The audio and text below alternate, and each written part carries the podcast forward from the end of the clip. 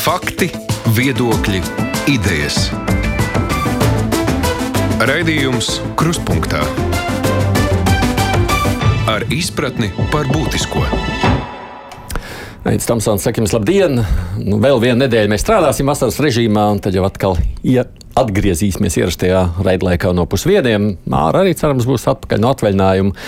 Bet nu, šajā nedēļā vēl kopā ar jums tikšos šajā stundā. Brīvais mikrofons pēc tam intervija pirmdienās, kā parasti tūlīt pat. Esam šoreiz uz sarunu aicinājuši cilvēku, nu, kurš nu, kopš bērna kājas tā vien šķiet ir interesējies par to, kas notiek pasaulē. NATO strateģiskās komunikācijas izcelības centra vecākais eksperts, viņš ir politikas un starptautisko attiecību doktorants Kembridžas Universitātē Tomas Pildegovičs, Kruspunktā studijā. Labdien! Labdien, paldies, ka uzaicinājāt! Ir tā, ka no pašas bērnības interesējuši ārpasaules notikumi? Nu, varbūt ne gluži no pašas uh, piedzimšanas brīža, bet uh, nenoliedzami uh, uzaugot diplomāta ģimenē, ir, esmu bijis spiests daudz apgrozīties uh, vēstniecību pasākumos, pat vecumā, kad pats neko no tā īsti nesapratu. Tā kā kaut kā dabiski tā interese kultivējās un tika, tika tā nevardarbīgi nodota tālāk. Jā, jo dažiem jau tieši tāpēc, ka bērnībā viss piegriežas, negrib neko vairs no tā dzirdēt savā vecumā. Nu, mans gadījums nebūs tas. Es domāju, ka mani vecāki būtu bijuši ļoti pateicīgi un priecīgi, ja es būtu kļuvis par kaut ko jēdzīgu, Jā. piemēram, ārstu vai zinātnieku vai juristu. Tas izklausās ļoti pats sev noniecinoši. Nav vērtīgi. Nu, varbūt tas ir mans tāds neveiksmīgais humora mēģinājums šajā pirmdienā. Bet ir joprojām doktorants vai varbūt jau doktors? Nē, nē, tur tā teikt, gaisma tuneļa galā vēl nav redzama. Vēl esmu mm. izpētes interviju veikšanas stadijā. Bet, jā, pirms diviem gadiem uh, izlēmu turpināt savas studijas turpat Kembridžas Universitātē, Lielbritānijā, mm -hmm. uzsākot doktorantūru. Skaidrs, ka šis process ir bijis uh, lielā mērā fragmentārs uh, Covid pandēmijas dēļ. Tas ir mm -hmm. nedaudz uh, iedragājis studiju kvalitātes procesu. Um, tāpēc ir bijušas dažādas aizķeršanās, un aizkavēšanās un termiņu pārlikšanas. Bet kopumā, jā, esmu vēl tādā zināšanu uzsūkšanas posmā savā dzīvē, kas cerams nekad nebeigsies. Un es skatījos, tā tad izvēlētā tēma par NATO lomu Ukraiņas un Gruzijas konfliktu risināšanā. Nu, patiesībā sakot, vairāk ir fokus uz Eiropas Savienības lomu šo uh mhm. -huh. pašu konfliktu kontekstā, bet skaidrs, ka Eiropas Savienība un NATO ir ļoti līdzīgi domājušas organizācijas ar līdzīgām interesēm šajo, šajā reģionā. Tāpēc, arī, arī par NATO ir, ir lasīts mm. un domāts. Bet tajā brīdī, kad pieteicāties šādai tēmas izvēlē, karš taču nebija.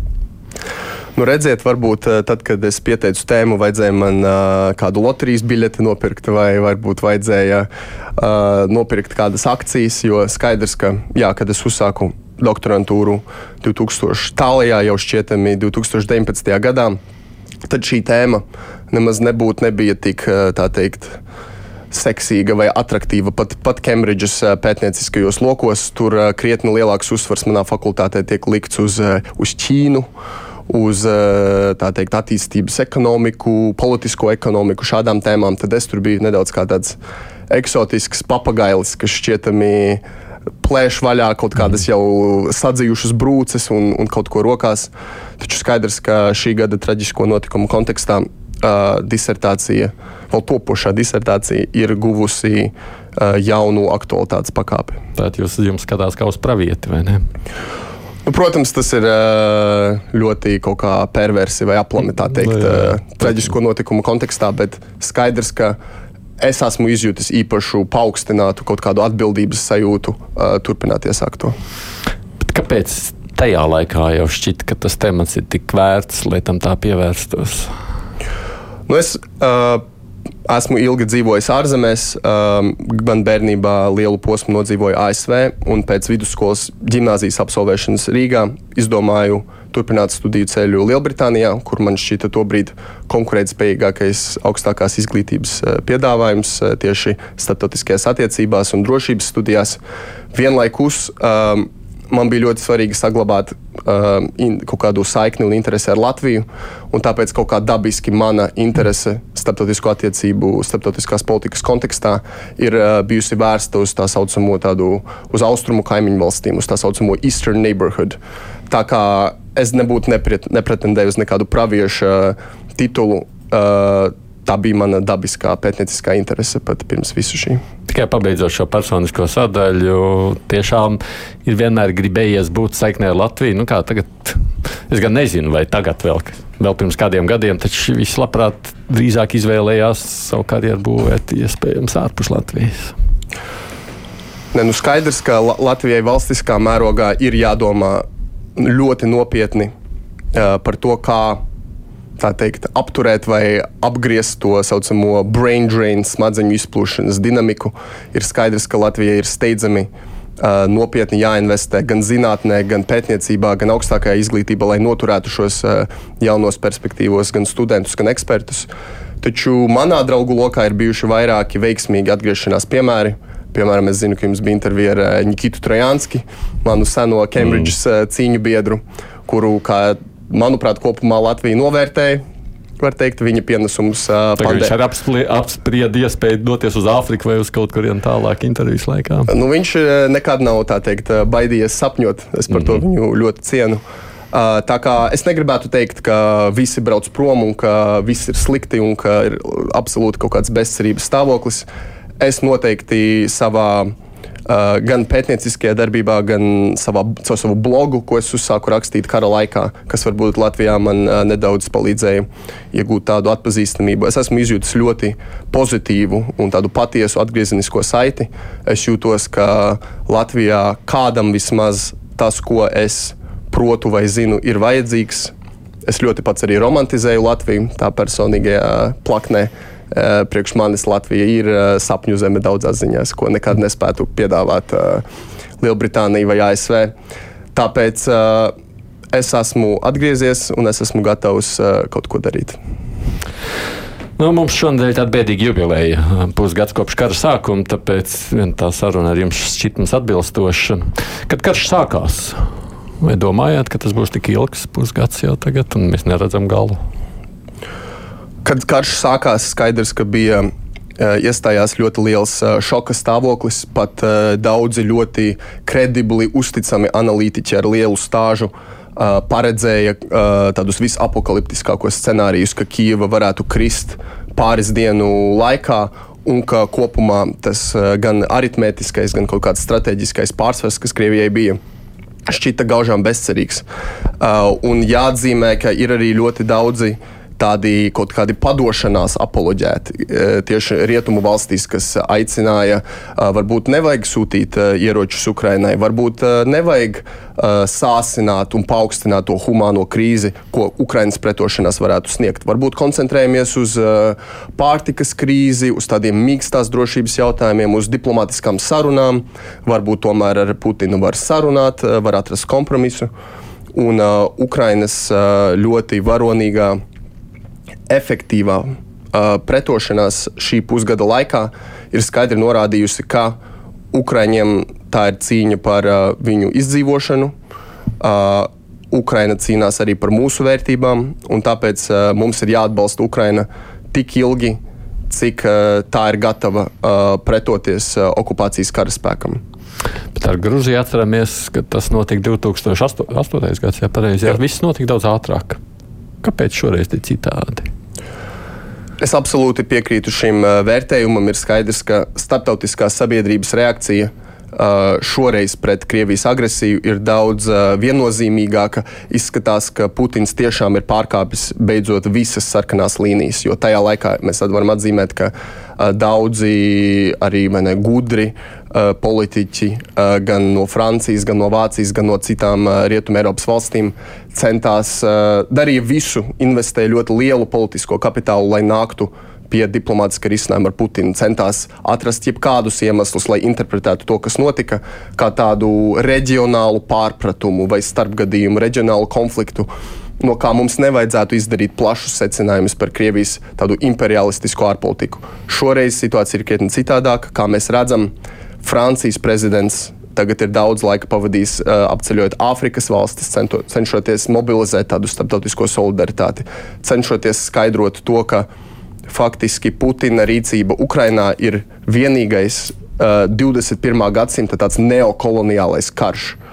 Ka principā uh, Krievija ir iebrukusi Ukrajinā un pilnīgi atklāti tās līderi aicina uh, neatzīst faktiski Ukraiņas valstiskumu, neatzīst tās valodu, sakot, ka Ukrāņi runā ar tādu jocīgu vai ne, akcentu vai izloksni, neatzīst Ukrāņas kultūru. Un pirmā lieta, ko okupācijas karaspēks arī dara, tiklīdz uh, tas ienāk Ukraiņas teritorijās, tas iznīca, iznīcina satelītu torņus, tā teikt, tādā veidā uh, izvēršot šo tādu informatīvo priekškaru un iznīcina Ukraiņas kultūras simboliku, bibliotēkas, pieminekļus, jebkādu liecību par Ukraiņas valstiskumu.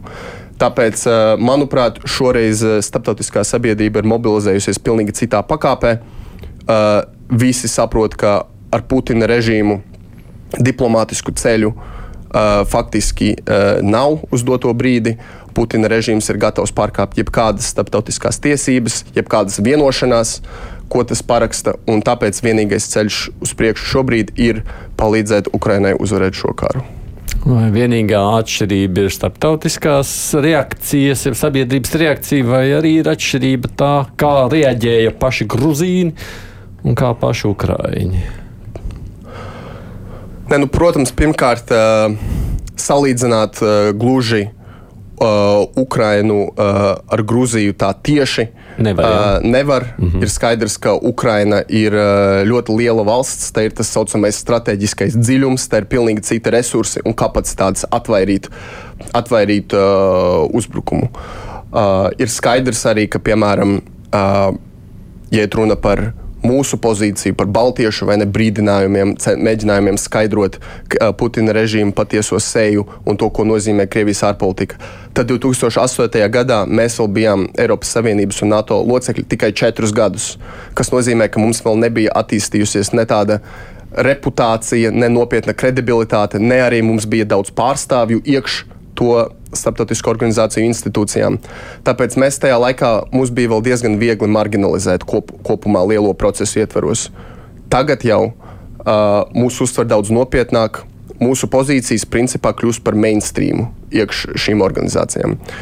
Uh, un, uh, jā, tāpēc uh, ir skaidrs, ka nu, šīs situācijas nevar, nevar tā absolūti viennozīmīgi salīdzināt.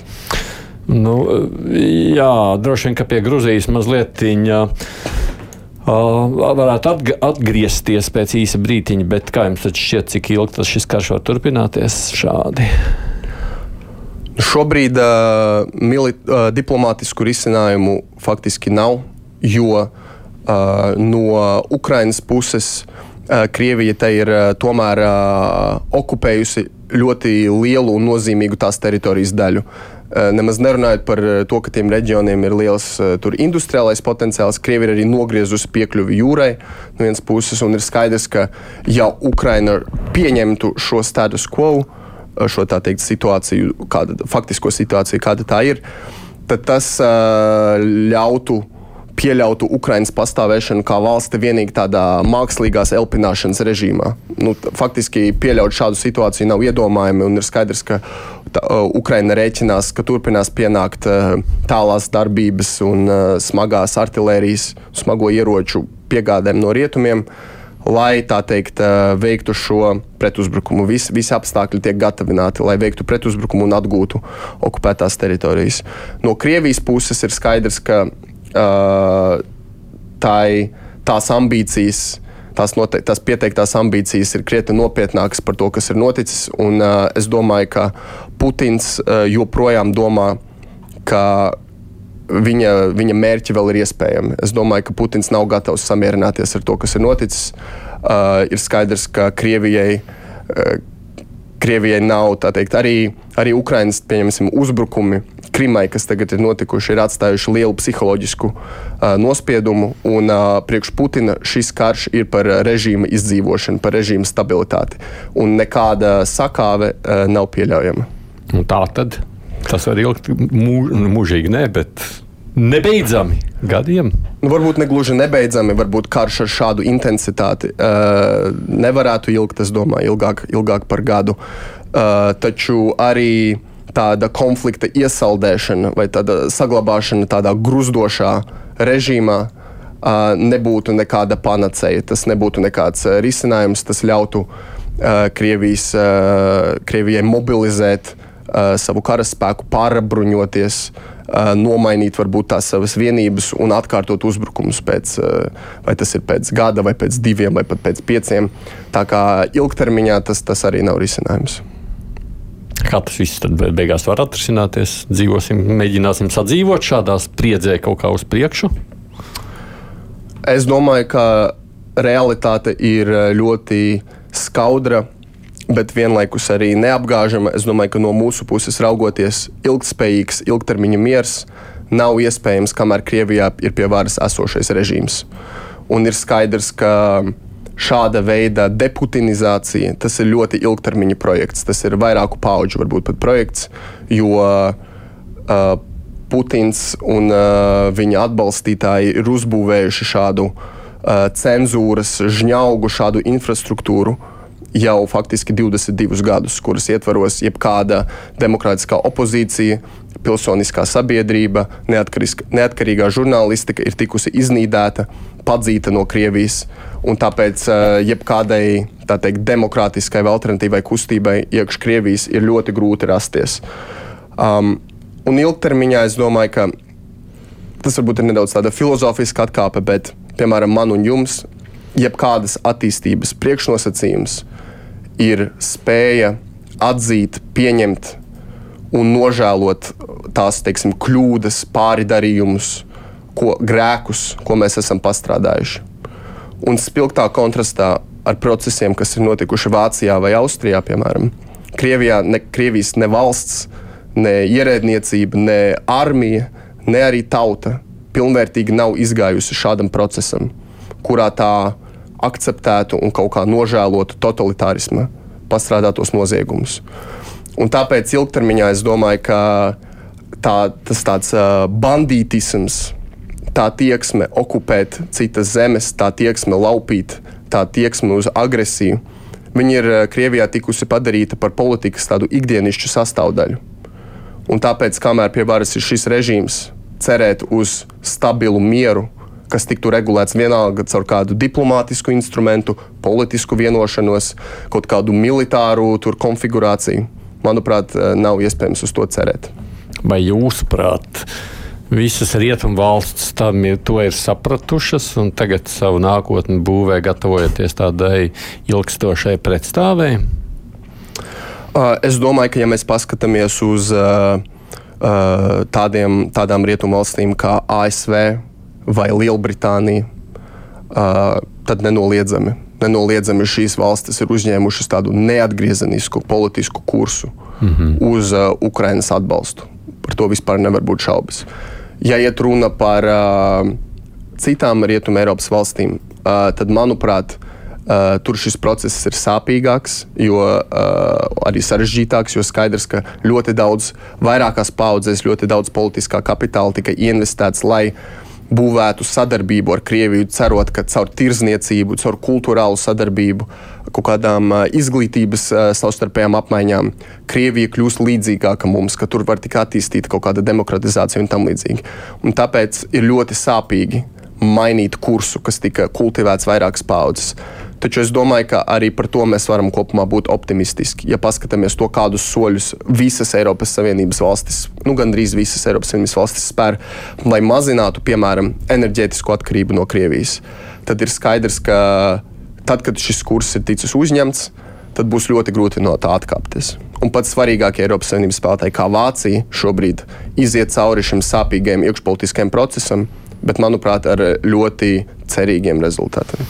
Man jau liekas, ka vēl joprojām daudzi cer. Es domāju, arī Latvijā vēl daudz cer, nu, kaut kā šo karu dabīgs, varbūt tur kaut kur Putina ķert sirdstriek vai kaut kas tam līdzīgs. Un varbūt tomēr atgriezīsimies mazliet normālākās attiecībās, nu, kaut kā līdzīgi kā pirms kara.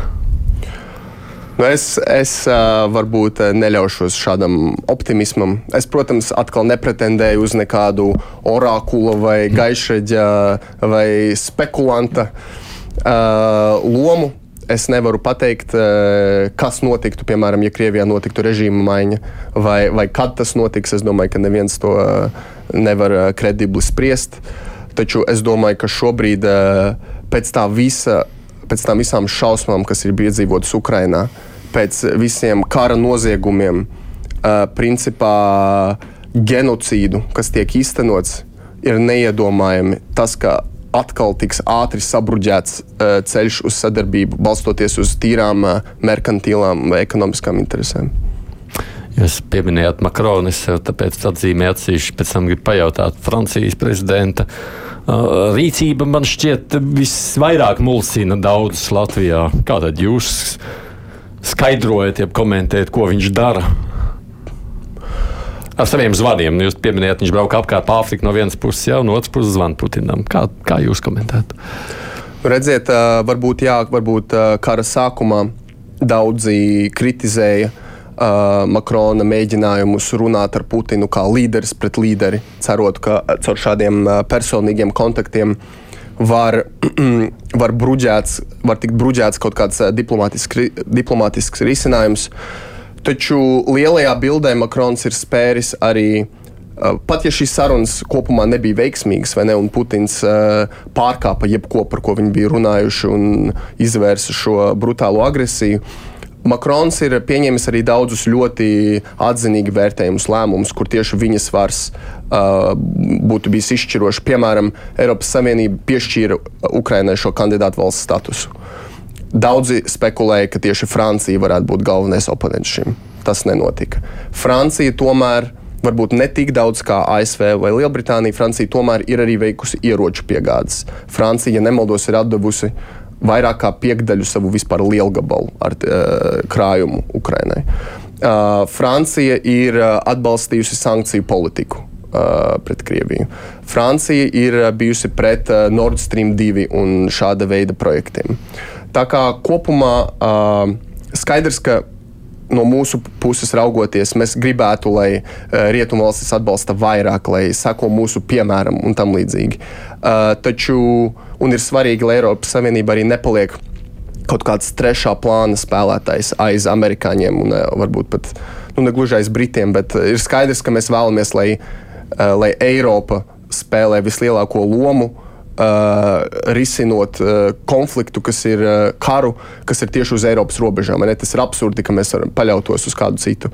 Uh, taču es domāju, ka arī uh, Makrons ir pierādījis spēju uh, mācīties no šī visa. Un, kā jau es minēju, tas ir ļoti svarīgi, ka pēdējā nedēļā, kad viņš apceļoja Āfrikas valstis, viņš ļoti skaidri un ļoti viennozīmīgi savilka saikni starp pārtikas krīzi un Krieviju, enerģētikas krīzi un Krieviju, dažu potenciāls inflācijas sekas un Krievijas agresiju. Tā kā, ja paklausās Makrona valodu tagad, nevar būt nekādu šaubu. Bet viņš joprojām zvana Putinam. Patiesībā sakot, man laikam trūkst faktu par to, vai viņš tagad pēdējā laikā no, arī viņam ir bijušas kaut kādas zīmes, bija atkal sazvanīšanās. Man liekas, ļoti nesen lasīju. Bet, nu, labi, es, arī, es arī neuz, neuzsveršu, ka es esmu visam spējis izsekot līdz galam līdzi. Uh, man jūsu minētajā doktora disertācijas virsrakstā šķiet interesants tas, nu, tas jautājums par organizāciju lomu šo konfliktu risināšanā. Un es arī skatoties kaut vai uz visu šo mm, karu. Mēs daudz runājam par atsevišķām valstīm. Tur ASV, Francija, Vācija, un tad tur nāk Ungārija, tur nāk uh, Turcija. Tur nāk valstis, kuras no vienas puses ir vienā organizācijā, bet no otras puses katra īsteno pilnīgi savu politiku. Vai mēs varam vispār teikt, ka ir tāda NATO pieņemsim, īstenota stratēģija šai konfliktā, vai šeit runa vienkārši par valstu īstenotā stratēģiju? Nu, es, protams, starptautiskās politikas realitāte ir tāda, ka jebkāda tāda multilaterālā sadarbība iekšā organizācijām ir sarežģīta. Jo ļoti bieži uh, gadās pretrunas starp nacionālām interesēm, uh, un teikt, varbūt organizācijas vai citu dalībvalstu interesēm. Tas ir skaidrs, un šie šķēršļi vienotībai ir, ir grūti un problemātiski, un tā vienmēr būs.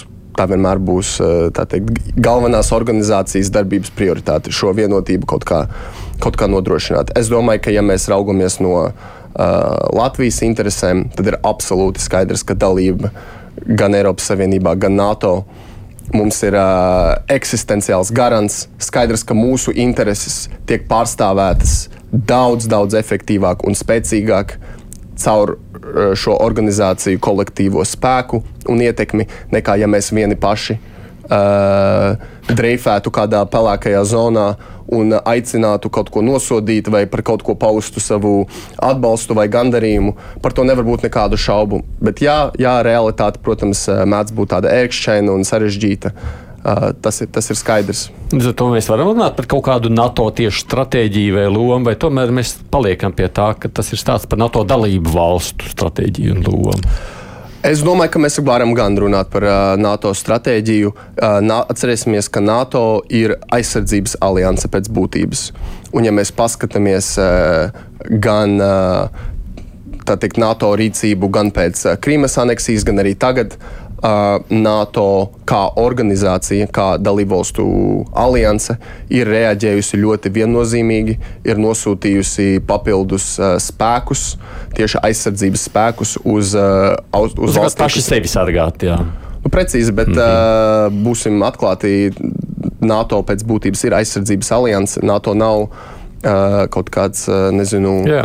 Jā. Bet šajā ziņā man liekas, daudziem es sadzirdu tādu milzīgu vilšanās, kas nāk arī vēstulēs ārā, sakot, nu, lūk, tur Ukraiņi mirst, maksā savām dzīvībām, nepadodas vai ne.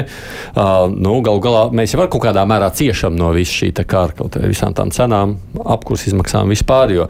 Bet tā mūsu atbilde vienmēr ir tikai, nu, labi, saka, jūs mirstiet, mēs jums palīdzēsim tikai turēties ilgāk, sūtīsim ieročus nu, lai ir vairāk asiņu, bet tādā tiešā veidā vairāk nevarēja palīdzēt nekā palīdzam.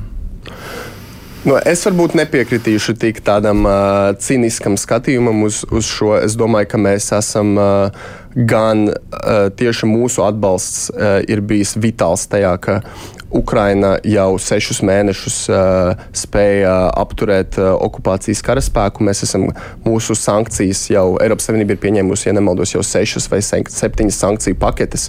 Un atcerēsimies, ka pieredze ar tādiem autoritāriem režīmiem kā Ziemeļkoreja vai Irāna rādīja, ka sankcijas aizņem laiku, lai iedarbotos. Un, piemēram, atteikšanās no Krievijas uh, gāzes, naftas. Uh, kodola enerģijas, sadarbības kodola enerģijas jomā.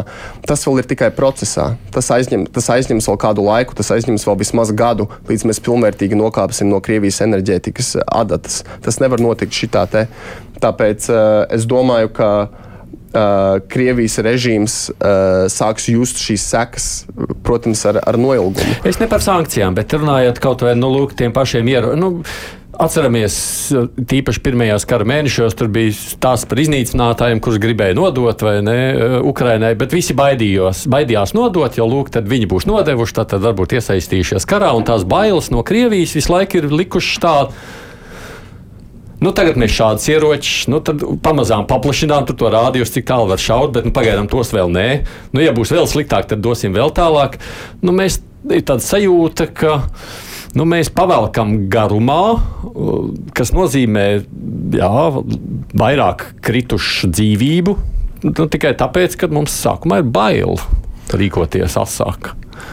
Es domāju, ka mūsu attieksme, ja iet runa par atbalstu Ukraiņai šajā konfliktā, var skaidri no amatpersonu, no piemēram ASV amatpersonu izteikumiem izsecināt, ka ir absolūti mainījies teikt, diskurss un komunikācija uz to, ka uh, mūsu pozīcija ir, ka mēs esam gatavi darīt visu, lai Ukraina uzvarētu šo karu. Un tāpēc uh, pēc šīs minstināšanas, ko jūs minējāt, mm. tagad Ukraina, Ukrainai tiek nodotas arvien jaudīgākie ieroči, arvien jaudīgākas tehnoloģijas.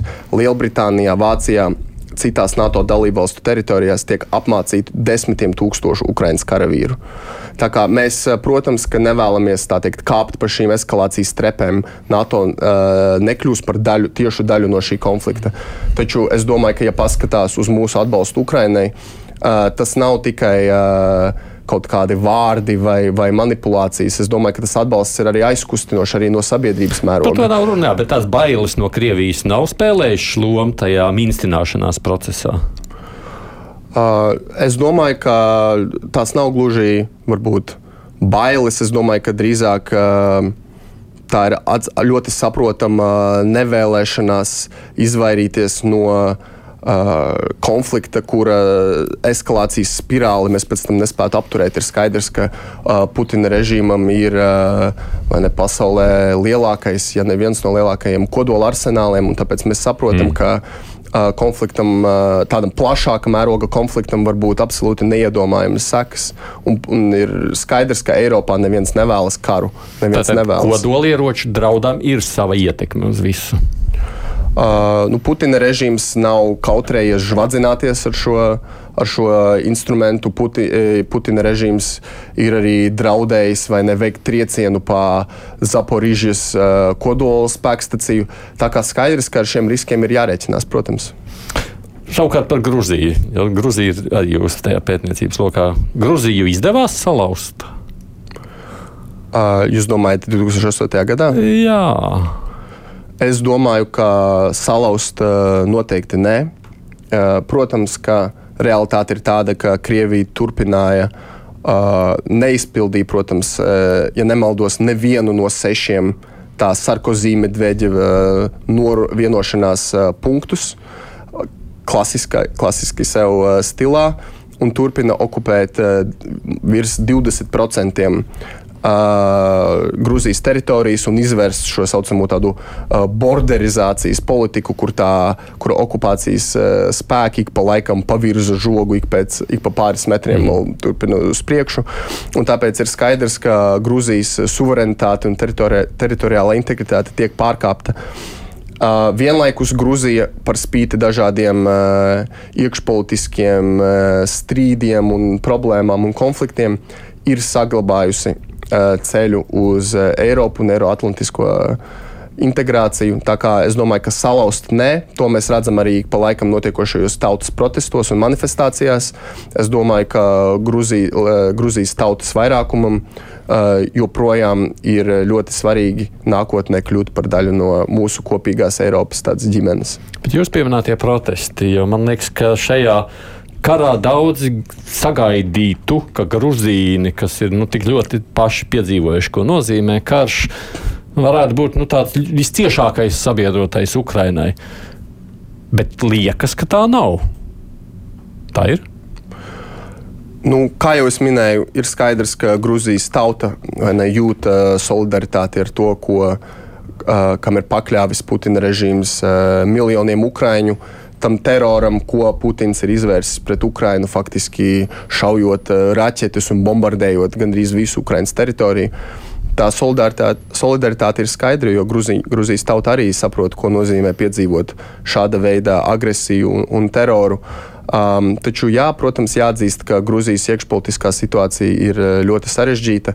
Es uh, nepretendēju uz to, ka es uh, tagad spēšu atšķetināt Jā. visas dažādo partiju, partiju intrigas. Jā, bet tas nozīmē, ka tādā varas Pār, nu, jo Grūzijas valsts pirmām kārtām reprezentē nu, viņa valdība, viņa īstenotā politika. Tā ir tāda ļoti piesardzīga, nezinu, šis īstais vārds. Nu, taisnība. Tā, tā ir gadījies, ka eh, dažādās valstīs, eh, dažādos posmos eh, arī iekšpolitiski apsvērumi atsaucas uz ārpolitiku. Protams, nekas nav tāds konstants un cementā ieliets. Tā ir. Jā, par Grūziju būtu interesanti papētīt kādreiz pašam vairāk. Es mazliet paskatos, ko raksta mums arī klausītājiem. Protams, ir ļoti dažādi vēstules jūras raktā. Kāpēc par jūsu organizāciju te runa par NATO izslības centru? Ir tik milzīga interese no antivakseriem un citiem sazvērestības teoriju piekritējiem. Viņiem naids pret NATO tiešā veidā tā materiāli sponsorē Krieviju, vai tur vienkārši cilvēki nesaprot fiziku? Nu, kā jūs to skaidrojat? Ziniet, nezinu, nemācīšu spriest. Esmu tur uzsācis strādāt tikai pirms mēneša, un šī mēneša ietvaros vēl pamanījos sasirgt ar covid, kas man izsita no ierindas.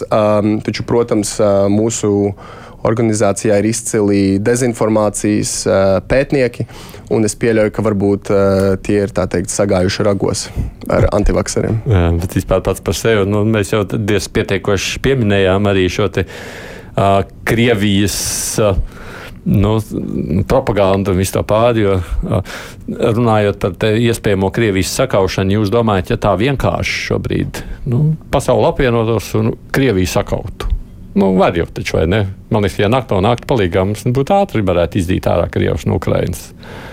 Kas tad notiktu? Pazīmēm, kā būtu, ja būtu.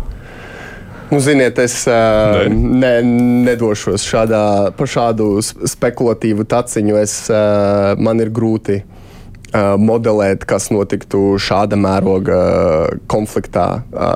Tiešām nemācījušies. Jā, man vienkārši no tāda viedokļa, tā jūsu organizācija pēta propagandu vai ne, un to, kādā veidā tā darbojas un mēģina ietekmēt pasauli.